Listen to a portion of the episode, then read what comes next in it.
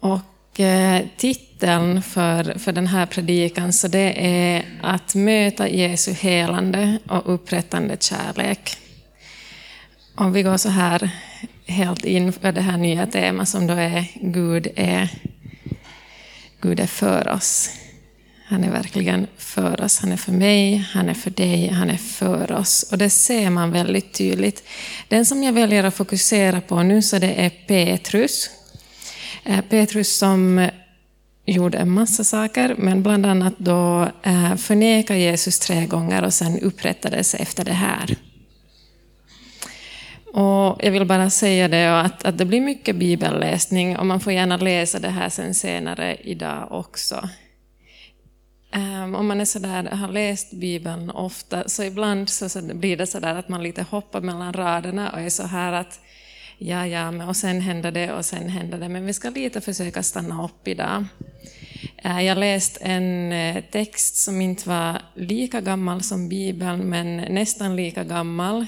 Eh, och som var så här väldigt kompakt. Det hände mycket. Och jag fick som nästan huvudvärk efter att ha läst i, i en halvtimme. Och jag var så där, hjälp, okej, okay, bort bok, jag kommer tillbaka till dig senare. Och jag var så där, de måste ha haft lite papper på den sidan, att därför måste de vara så där precisa och väldigt så där direkta i det som de sa.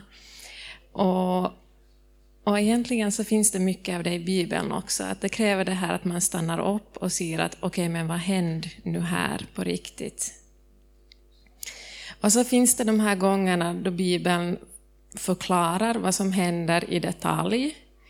De gånger som någon gör någonting och man behöver inte fundera att okej, okay, varför gjorde den här människan det här? För att sen i följande rader så, så kommer då Bibeln in och säger att eh, och det här hände för att personen hade den här och den här attityden eller att det här och det här hände. Så, så det händer ibland, men det händer inte alltid. Eh, och ibland så blir vi undervisade och på det sättet att de här Eh, uh, tomrummen fylls med tolkningar. Och jag vill bara att man kommer ihåg det, att Bibeln är liksom uh, det finns utrymmen för, för tolkningar ibland och, och så att säga ta de tillfällena. Och ibland då någon är väldigt direkt med en vag text utan att liksom använda andra delar i Bibeln så, så tycker jag personligen att man har all rätt att gå tillbaka till att okej, okay, men det som står i Bibeln så det är det här. Och jag kommer att göra det och jag kommer att vara väldigt tydlig med det att i den här texten så, så tolkar jag så här. Eh, på grund, oftast är det på grund av den gudsbilden som man har. Yes, och med det sagt så, så börjar vi i Johannes 13, verserna 36 och 38.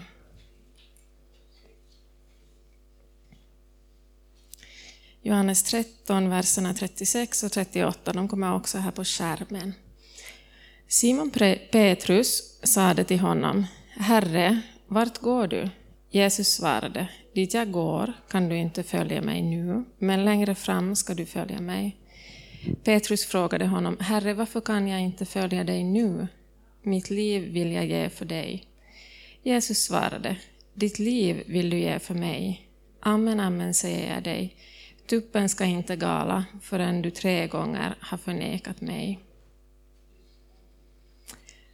Och eh, Vi kan lite gå in på att vem är den här Petrus som man pratar om här? Um, han är ju en av de här lärjungarna som man kommer ihåg namnet på, så att säga. Det hände mycket kring honom. Jesus hade tolv lärjungar.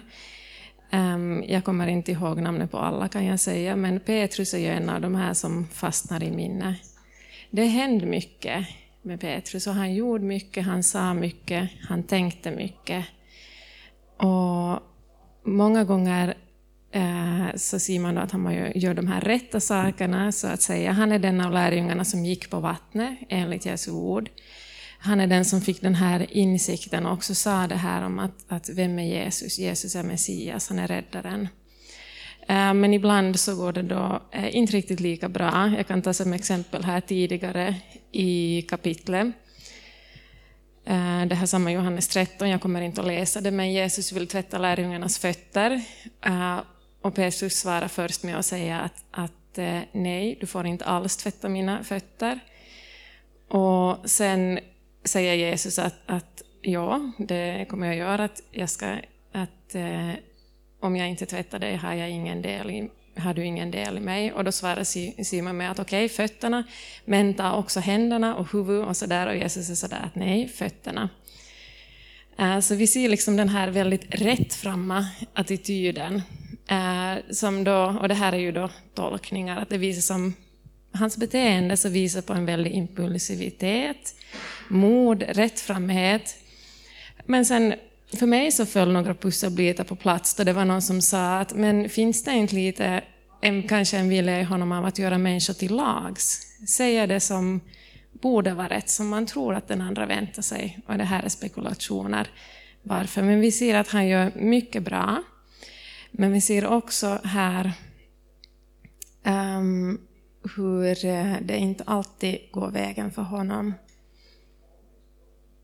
Och, uh, Oh yes, och vi ser här hur, hur, den här bilden som Petrus har av sig själv, det som han uttrycker här i hur han vill ge sitt liv för Jesus. Den här bilden på vilket det ska hända och det här med de direkta orden som Jesus sen säger direkt efter att nej, men att det här, du vill göra det här, men det här är vad du kommer att göra. Om vi ser hur det kommer att bli så att säga en frontalkrock, hur det kommer att, att kollidera, de här båda verkligheterna. Eh, vi går vidare och läser kapitel 18, verserna 15 till 18.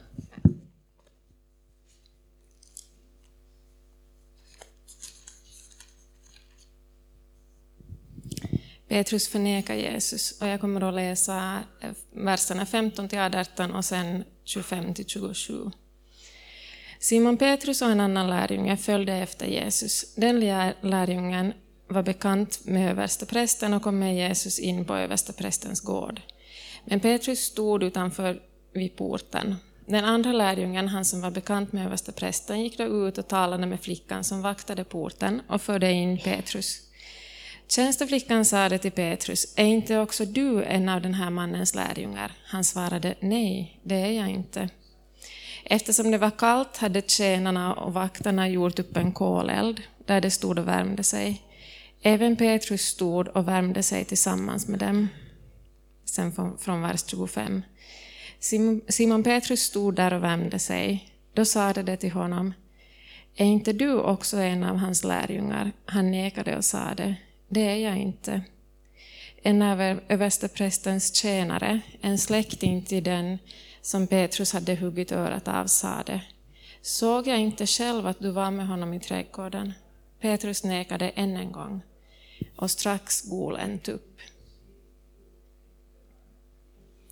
Så i tidiga verser så har Petrus först eh, med svärd försvarat Jesus och efter det förnekat honom tre gånger, precis som Jesus sa att han skulle göra. Ehm, I ett annat evangelium så står det att, att efter att tuppen gol så, så det står att Jesus vände sig och såg rakt på Petrus. Och jag kollade där, det står bara liksom om en blick, som du någon gång hör någon predika om hurdan den blicken var så säger det troligtvis mera om, om den personens gudsbild eller inte. Min tolkning är att, eh, att eh, det var någon slags sorg kanske i Jesu blick. Eller kärlek i den, trots allt. Ja, men det står också att, att eh, efter att Petrus har fått den här blicken av Jesus så minns han och börjar gråta bittert. Och vi har de här stunderna, eller eh, jag kan bara, bara prata för mig själv, jag har haft stunder i, i mitt liv då jag sådär har funderat.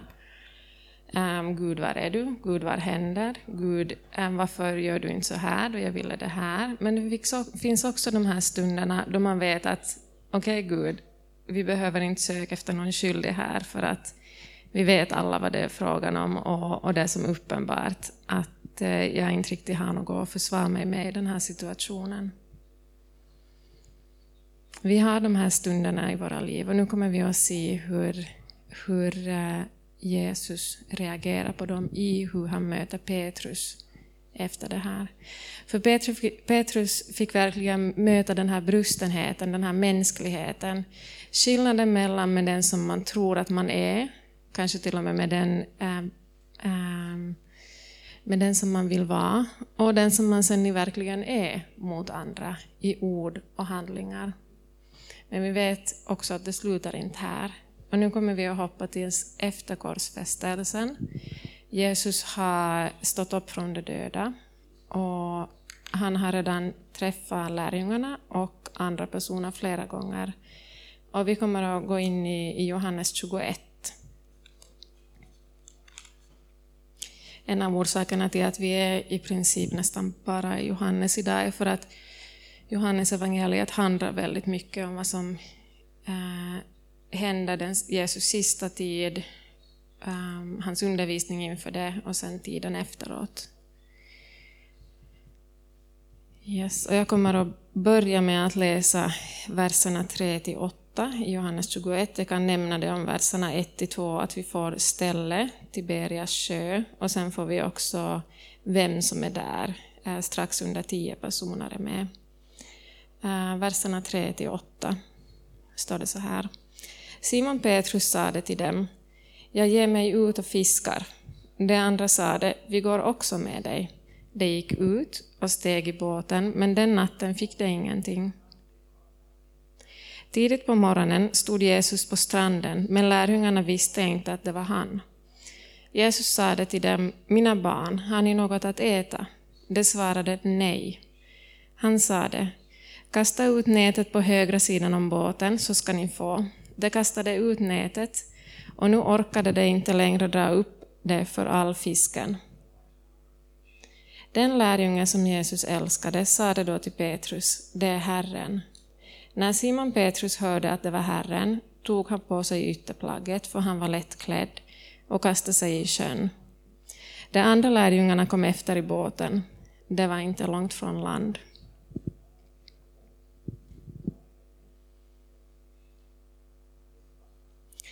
Ehm, det här är en av orsakerna till att jag har lite på vänt, eh, väntat på tillfälle att så lite vända och vrida på de här verserna.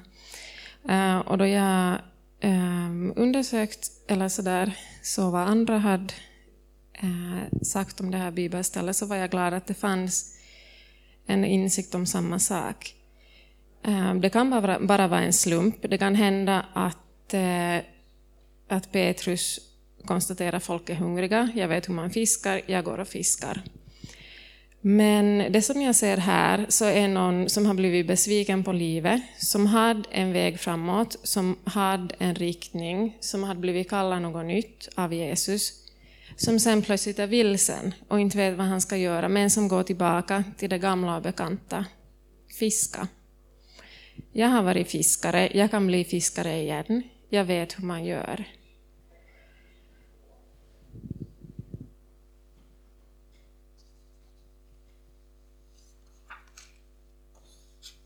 Och, och vad heter det?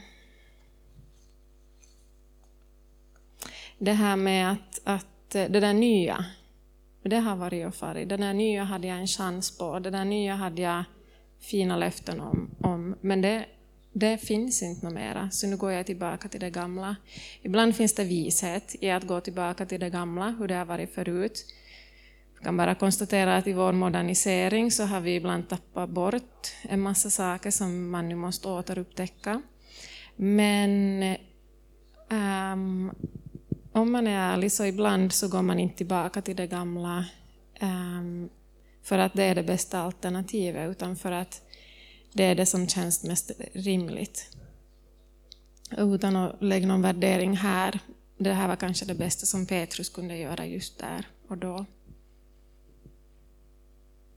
Men vi ser här hur Jesus igen kommer till fiskare och kallar dem just vid en fisketur och visar vem han är just genom ett ord, ett Guds ord i rätt tid som, som ger det här överflödet, som ger den här välsignelsen. Och vi ser hur det liksom ligger i Guds natur att välsigna. Och vi ser också hur de inte ens visste om Ehm, de hade varit där, de var säkert jättetrötta, vaknade hela natten. Jag vet ingenting om att fiska, men jag är glad att jag inte har varit ute och fiskat en hel natt. Uh, och eh, slitna och hör liksom någon som ger några instruktioner från stranden. Och, och sen är det sådär att nå varför inte vi slänger ut på andra sidan, vad kostar det oss? Och vi ser sen hur, hur de får den här gåvan. Och innan vi går vidare så vill jag kommentera det att eh, vi ser en viss skillnad i personlighet här. För senare i, i Bibeln så talar, eh, så talar Paulus om hur vi är en kropp i första hand. Det finns olika kroppsdelar, lemmar, som bildar en helhet. Och eh, vi ser här liksom hur de upptäcker olika saker. Johannes, som redan har förstått mycket i att han kan beskriva sig som den som Jesus älskade, så har en viss känslighet, och han är den första som äh, kanske inte identifierar, men åtminstone säger det högt. Att vet ni vem som är där, har ni märkt, det är ju Jesus. Och sen ser vi då den som går till handling och, och kastar sig i vattnet, trots att de redan var nära land. Um, om alla skulle ha kastat sig i, i vattnet så skulle antar jag att båten skulle ha flutit iväg. Men det fanns den här som kastade sig i vattnet och direkt ville fara dit, och de här som stannade i båten och såg till att få den dit. Jag vill bara konstatera det igen, jag har sagt det förut under någon predikan. Det finns eh, en plats och det finns en bredd eh, i den här Kristi kropp som byggs ihop. Det finns plats för olikheter. Och eh, våra olika personligheter så visar på Guds mångfald. Nu vill jag gå över till de, de eh, sista verserna, eh, Johannes 21, 9-14. När de kom i land fick de se en glödhög och fisk som låg på den och bröd. Jesus sade till dem, bär hit av fisken som ni fått. Simon Petrus steg i båten och drog in nätet. Det var fullt av stora fiskar, 153 stycken och fast det var så många gick nätet inte sönder. Jesus sade till dem, kom och ät. Ingen av lärjungarna vågade fråga honom vem han var. De förstod att det var Herren. Jesus gick fram och tog brödet och gav dem, och likaså fisken. Detta var tredje gången som Jesus uppenbarade sig för lärjungarna sedan han hade uppstått från de döda.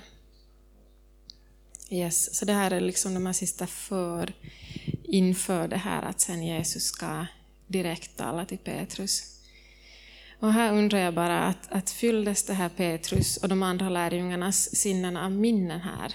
Minns de de gånger, andra gånger som Jesus har mättat folket med bröd och fisk? Um, ser han i Jesus handling hur han i praktiken tjänar andra? Från mina år från scouterna så kommer jag ihåg att ska man ha glöd så måste man först ha en eld. Så, så det finns liksom planering till det här. Jesus har varit där och planerat och förberett det här. Eh, kanske sett att de är slitna, att de har hållit på länge. Och, och sen, sen vad heter det, förberett det här, den här andningspausen, den här vilopausen för dem.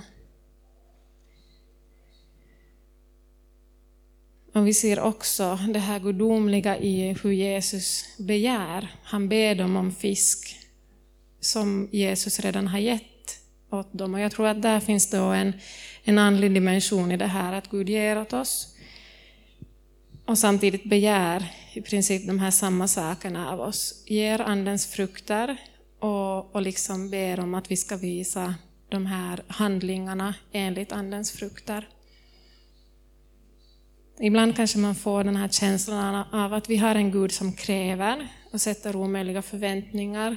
Men då kan man söka tröst i de här verserna, att vi har en Gud som ger i överflöd. Och sen, kanske för att vi ska inse vad det är som vi har, så ber han om det.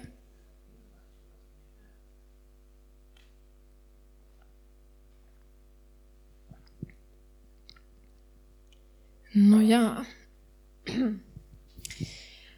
Och man kan också fråga sig här om, om Petrus minns vad annat som har hänt vid en glödhög, vid, vid en liksom glöd. Det var just vid en, en glöd, en eld där det fanns glöd, som han sista gångerna förnekade Jesus. Jag undrar om han tänkt på det här medan han han satt där, att titta han, han eh, kanske skamset just på den där glödhögen och ingenstans och tänkte att, att eh, och lite sådär stålsatt sig och tänkt att okej, okay, nu måste jag förklara mig eller nu kommer jag att höra hur allt är förlorat eller något liknande. Och det vet vi inte vad han tänkte. Eh, men det vet vi att ingen vågar fråga vem det var, för att de, men de visste att det var Jesus som var där. Och vi vet, åtminstone i den här texten, att det är Jesus som tar till orden. Mm, men det är intressant om man pratar om det här förneka tre gånger och sen blir upprättad.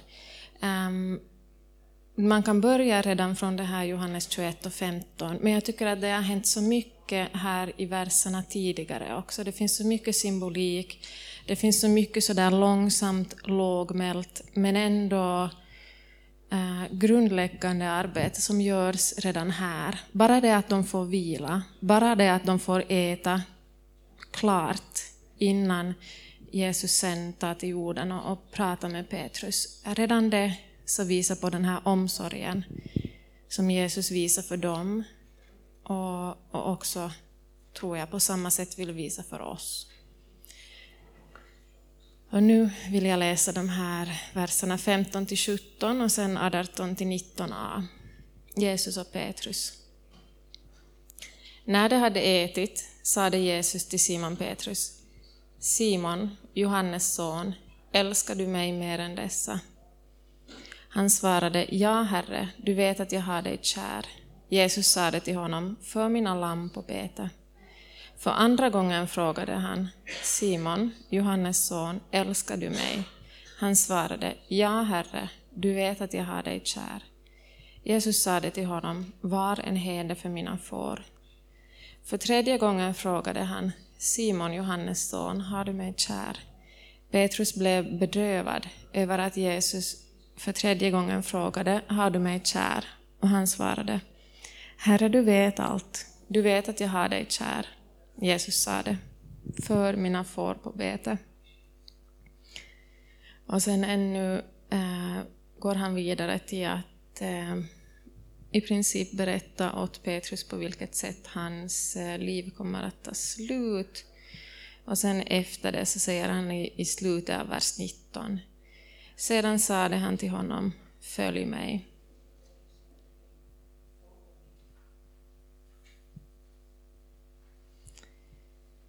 Vi ser här, som jag nämnde, hur Jesus väntar tills att de har fått hämta andan och äta den här maten, landa i det de har varit med om, var de är och vem de är där med. Och sen ser vi hur Jesus ställer en, en fråga till Petrus tre gånger. Och det finns många förklaringar till varför det är just tre gånger. Personligen så tror jag att det är för Petrus sinnesfrid. Han får komma ihåg att tre gånger så han förnekar Jesus. Han får också komma ihåg att tre gånger så har han också bekänt sin kärlek till Jesus. Och det är intressant också, och det här är just Eh, då man blir van vid Bibeln och är sådär att ja, och sen händer det och sen händer det och Jesus ska förstås säga det. Observera att eh, vad Jesus går efter här, han frågar älskar du mig? Det är det han går på. Eh, det är inte så många utvecklingssamtal eh, för mig någonsin som har, har börjat med orden att, att eh, älskar du Jesus? Men här, i den uppgiften som Petrus kommer att återupprättas i, eh, i det liv som han lever, och också i enighet med vad vad vi lär oss enligt Bibeln. Eh, handlingarna och det här att, att tillrättavisas och det här att välja omväg och det här att eh, inse sin bristfällighet som Petrus hade gjort och sen liksom komma, komma tillbaka efter det. Så det viktigaste för det så är det att man kommer tillbaka till den här kärleken till Jesus man får påminnas om att, att eh, jag tjänar inte i första hand Jesus, jag lyder inte i första hand Jesus, jag älskar Jesus. Och det är de frågorna som man får här. Mm. Vi ser också hur eh, det sker mycket skillnad här, liksom med, på grekiska händer det mycket här. Um, och det eh, speglas också i, i svenskan. Vi ser första två gångerna så frågar Jesus, älskar du mig? Och Petrus svarar, ja, du vet att jag har dig kär. Tredje gången så frågar Jesus, um, Simon Johannes son, har du mig kär? Och Petrus svarar med att, att eh, jag har dig kär. Mm, och de båda eh, um, orden som arbets där, så det är agape, det här som Jesus frågar efter de två första gånger. Den här osjälviska, eh, himmelska kärleken. Uh, och sen har vi då fileo, det här som Petrus svarar med, den här broderliga mellanmänskliga kärleken. Eh, jag är älskad, så därför älskar jag tillbaka. Eh, och här har vi någon Petrus som lovar mycket, som säger att, att men eh, alla andra kan överge dig, men jag kommer alltid att stanna kvar. Som plötsligt har tagit ett steg tillbaka och är så här att, att Jesus, du frågar efter agape, det jag kan ge nu, så det är, det är fileo. Och vi ser också hur Jesus möter Petrus i det här. Här igen olika tolkningar. Att Frågar han det för att så där poängtera att No, men Petrus, är du säker på att du ens kan, kan uppfylla det här fileo? Eller är det det att, att Jesus ser att, att eh, så som livet är nu för Petrus så vill han inte lova någonting som han inte kan hålla. Därför håller han sig till att, att prata om det här fileo. Det här Petrus luftslott om vem han var, vad han var kapabel till och eh, eh, på vilket sätt han skulle gå vidare, så det hade rämnat. Men Jesus stod kvar här och det är väldigt vackert att se. Personligen så vill jag tro att, att Jesus nöjer sig och gläds över det som Petrus kan ge, över hans svar på de här frågorna. Och jag tror att vi får också ha en vila i det här att, att eh, vi ger Jesus det som vi kan ge just i de situationerna och tiderna i livet.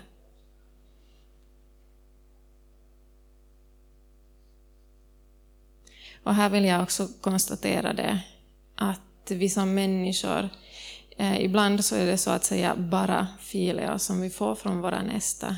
Och jag tror att då vi lever i en brusten värld, i världen som den är idag, så ska vi inte ha det här agape, den här livsomvandlande, den här um, osjälviska kärleken som standard till vad vi väntar från våra medmänniskor alltid och ständigt. Ibland får man nöja sig med det som ens medmänniskor kan eller förmår att ge. Men de gånger som man ser, de gånger som man får och de gånger som man personligen kan ge agape vidare till någon annan, så får man vara väldigt äh, glädjas över det. Vi som människor vi gör så gott som vi kan, men vi bär alla på någon form av sår som Bibeln säger, den skatt som vi har, så den är ren, men skatten finns i lerkärl. Och vi ser också här hur Petrus eh, går från att vara människofiskare till klippa tidigare och här kallas han då till herde. Och här undrar jag också att om, om det är en tillfällighet, vilket det kan vara, eller om det är så här eh, att för att ta hand, för att föra någon på bete, för att vara en herde, för att föra någon på bete, så behöver man ha den här insikten om, om sig själv. Um, för att inse att det är inte egentligen mig som det handlar om, utan det handlar om Guds perfekta kärlek och det handlar om att, att föra andra människor till det och det handlar om att hjälpa människor att bevaras i det. Jag undrar om Jesus, äh, om, ja, om Jesus måste visa, eller om det att Petrus såg de här svagheterna i sig själv gjorde att Jesus då kunde ge de här uppgifterna åt honom, det vet jag inte. Men um, vi ser här då hur, hur uh, Petrus uh, får den här kallelsen. Och här får vi notera eh, vems den här flocken är. Jesus säger för mina lamm. När det finns samfundsstrider och när det finns liksom bråk om att men vilken statistik så ska just den här människan höra till, så Eh, det är bra att ha en andlig gemenskap, det är bra att ha någonstans där man känner sig rotad och får växa. Men äh, drar man det till sin spets, så åtminstone i Jesu ögon, så är vi hans lamm och ingen annans. Och vi ser här i den här berättelsen hur Jesus upprättar Petrus genom att ta hand om honom, hjälpa honom att växa, möta det förflutna och växa i nuet, visa på framtiden och, och visa förlåtelse. Och det här var säkert slitsamt, jobbigt och tungt. Men Petrus så har här upprättats till kärlek i första hand. Och här bara som en parentes att eh, um, gå inte under andra människors krav på hur det ser ut, uh, hur i, i detalj det borde uttryckas då du älskar Jesus. Um, det vill säga, det finns såklart en helgelseprocess, men det finns också det här att, att eh, det läggs för tunga ok på en för tidigt. Gå i den här processen i att älska Jesus och våga så att säga gå i din egen takt. Okej? Okay? Och eh,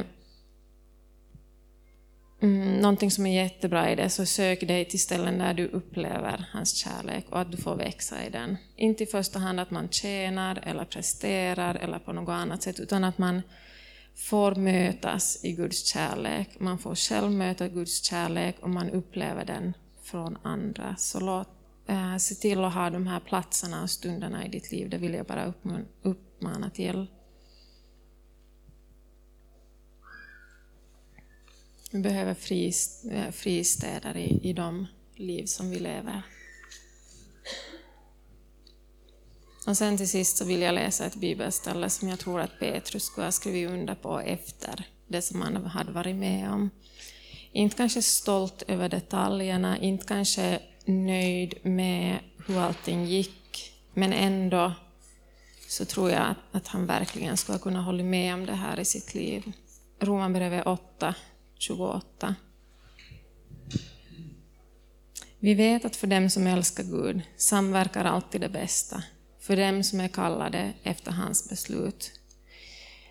Och min bön är att när du ser tillbaka på prövningar, svåra tider, eh, livet helt enkelt, som ibland bara händer och man förstår ingenting, så ska det få synas att, att trots att det var jobbiga, svåra saker som hände, så ser vi hur allting samverkar, hur Gud kan använda, hur Gud kan omdirigera och hur Gud kan upprätta oss. Och jag ber att vi gång på gång av Jesus ska visa, visas den här Guds upprättande kärlek i våra liv.